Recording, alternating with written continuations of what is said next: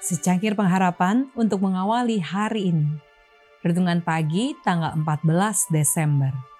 Kita akan memandang wajah Tuhan. Ayub 33 ayat 26 berfirman, Ia berdoa kepada Allah dan Allah berkenan menerimanya. Ia akan memandang wajahnya dengan bersorak-sorai dan Allah mengembalikan kebenaran kepada manusia karena dosa telah menceraikan manusia dari halik mereka.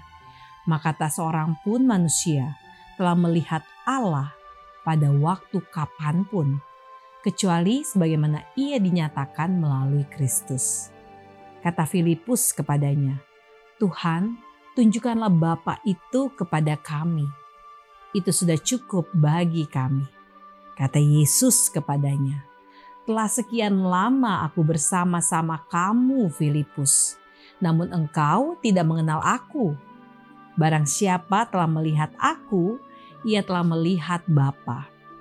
Murid-murid itu belum juga memahami perkataan Kristus tentang hubungannya dengan Allah.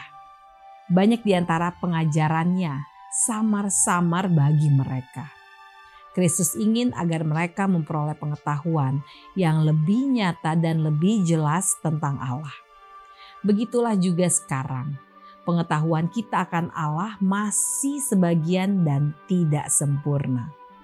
Setelah pergumulan berakhir dan Yesus Kristus sebagai manusia mengakui di hadapan Bapa semua pekerjanya yang setia yang di dunia berdosa telah menjadi saksi sejati baginya, maka mereka akan mengerti dengan jelas apa yang sekarang ini masih rahasia. Kristus membawa kemanusiaannya yang sudah dimuliakan keadilan surga. Kepada mereka yang menerimanya, ia memberikan kuasa untuk menjadi anak-anak Allah, supaya pada akhirnya Allah menerima mereka sebagai miliknya untuk tinggal bersama-sama dengan dia selama kekekalan.